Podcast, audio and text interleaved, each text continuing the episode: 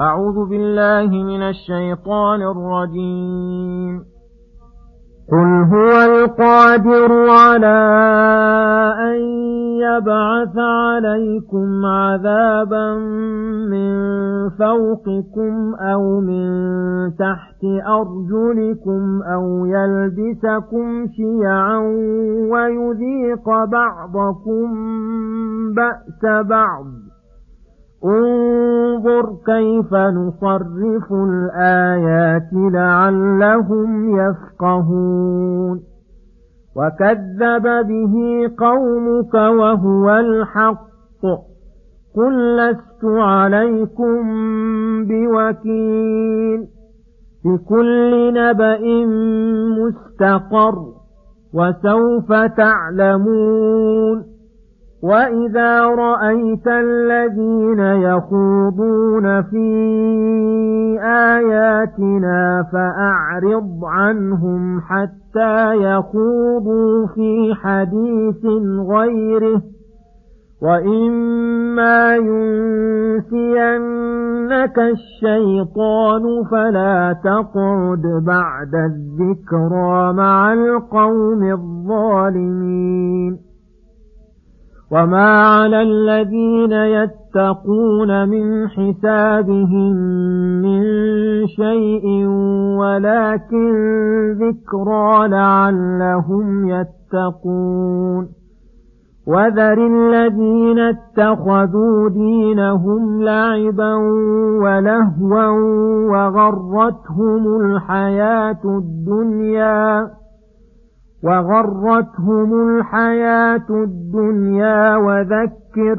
به أن تبسل نفس بما كسبت ليس لها من دون الله ولي ولا شفيع وإن تعدل كل عدل لا يؤخذ منها أولئك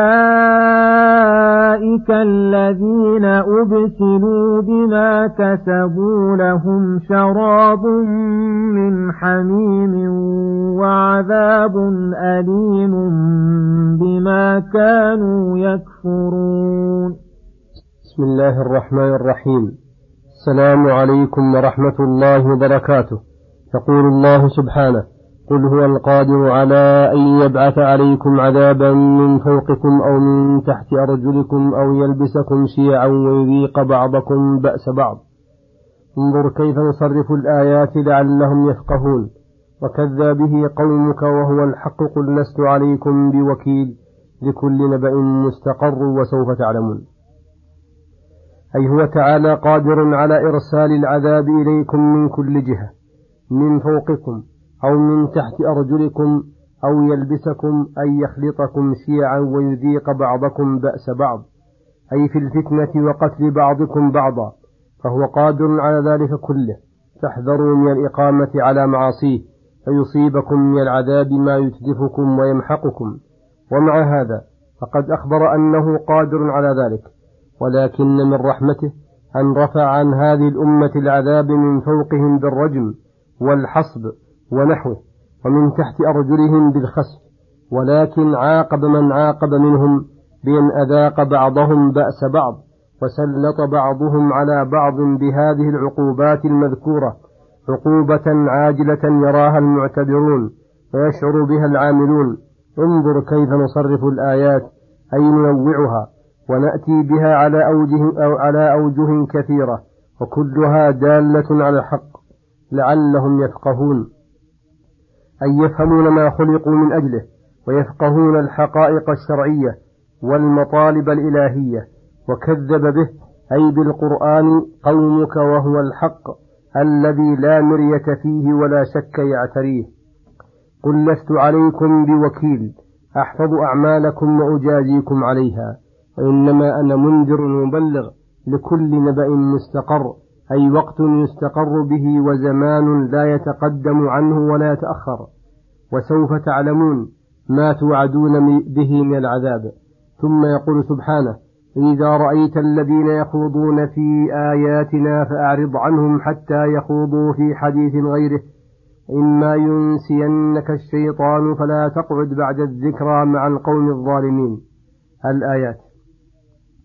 المراد بالخوض في آيات الله. التكلم بما يخالف الحق من تحسين المقالات الباطلة والدعوة إليها ومدح أهلها والإعراض عن الحق والقدح فيه وفي أهله. فأمر الله رسوله أصلا وأمته تبعا إذا رأوا من يخوض بآيات الله بشيء مما ذكر بالإعراض عنهم وعدم حضور مجالس الخائضين بالباطل والاستمرار على ذلك حتى يكون البحث والخوض في كلام غيره. فإذا كان في كلام غيره زال النهي المذكور. فإن كان مصلحة كان مأمورا به وإن كان غير ذلك كان غير مفيد ولا مأمور به. وفي ذم الخوض بالباطل حث على البحث والنظر والمناظرة بالحق. ثم قال وإما ينسينك الشيطان أي بأن جلست معهم على وجه النسيان والغفلة. فلا تقعد بعد الذكرى مع القوم الظالمين. يشمل الخائضين بالباطل. وكل متكلم بمحرم أو فاعل لمحرم فإنه يحرم الجلوس والحضور عند حضور المنكر الذي لا يقدر على إزالته.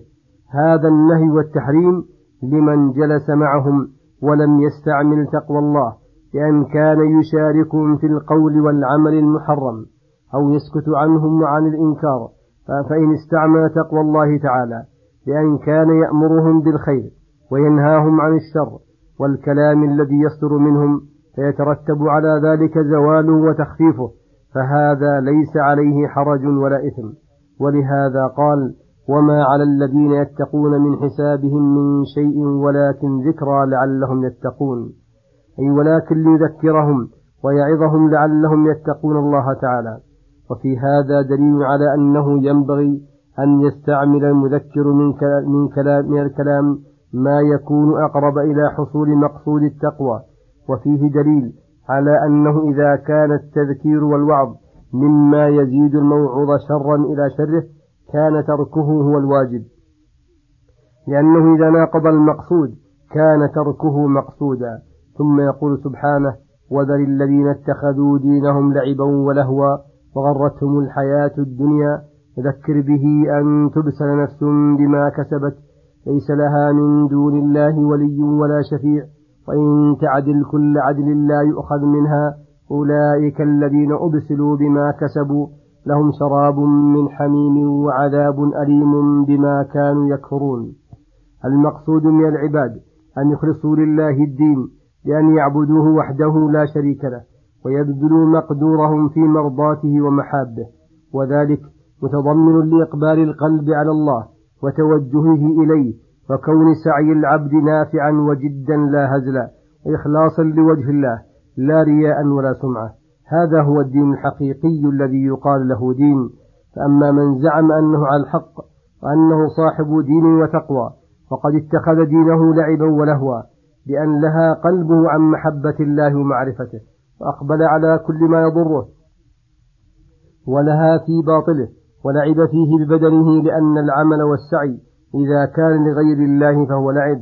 فهذا أمر الله تعالى أن يترك ويحذر ولا يغتر به وتنظر حاله ويحذر من أفعاله ولا يغتر بتعويقه عما يقرب إلى الله. وذكر به أي ذكر بالقرآن ما ينفع العباد أمرا وتفصيلا وتحسينا له بذكر ما فيه من أوصاف الحسن.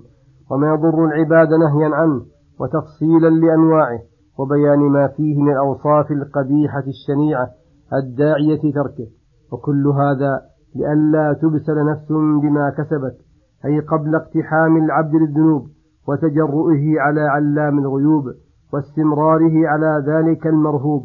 فذكرها وعظها ليرتدع ولترتدع وتنزجر وتكف عن فعلها.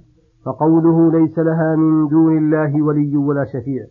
أي قبل أن تحيط بها ذنوبها ثم لا ينفعه أحد من الخلق لا قريب ولا صديق ولا يتولاها من دون الله أحد ولا يشفع لها شافع. وإن تعدل كل عدل أي تستجيب كل فداء ولو بملء الأرض ذهبا لا يؤخذ منها أي لا يقبل ولا يفيد.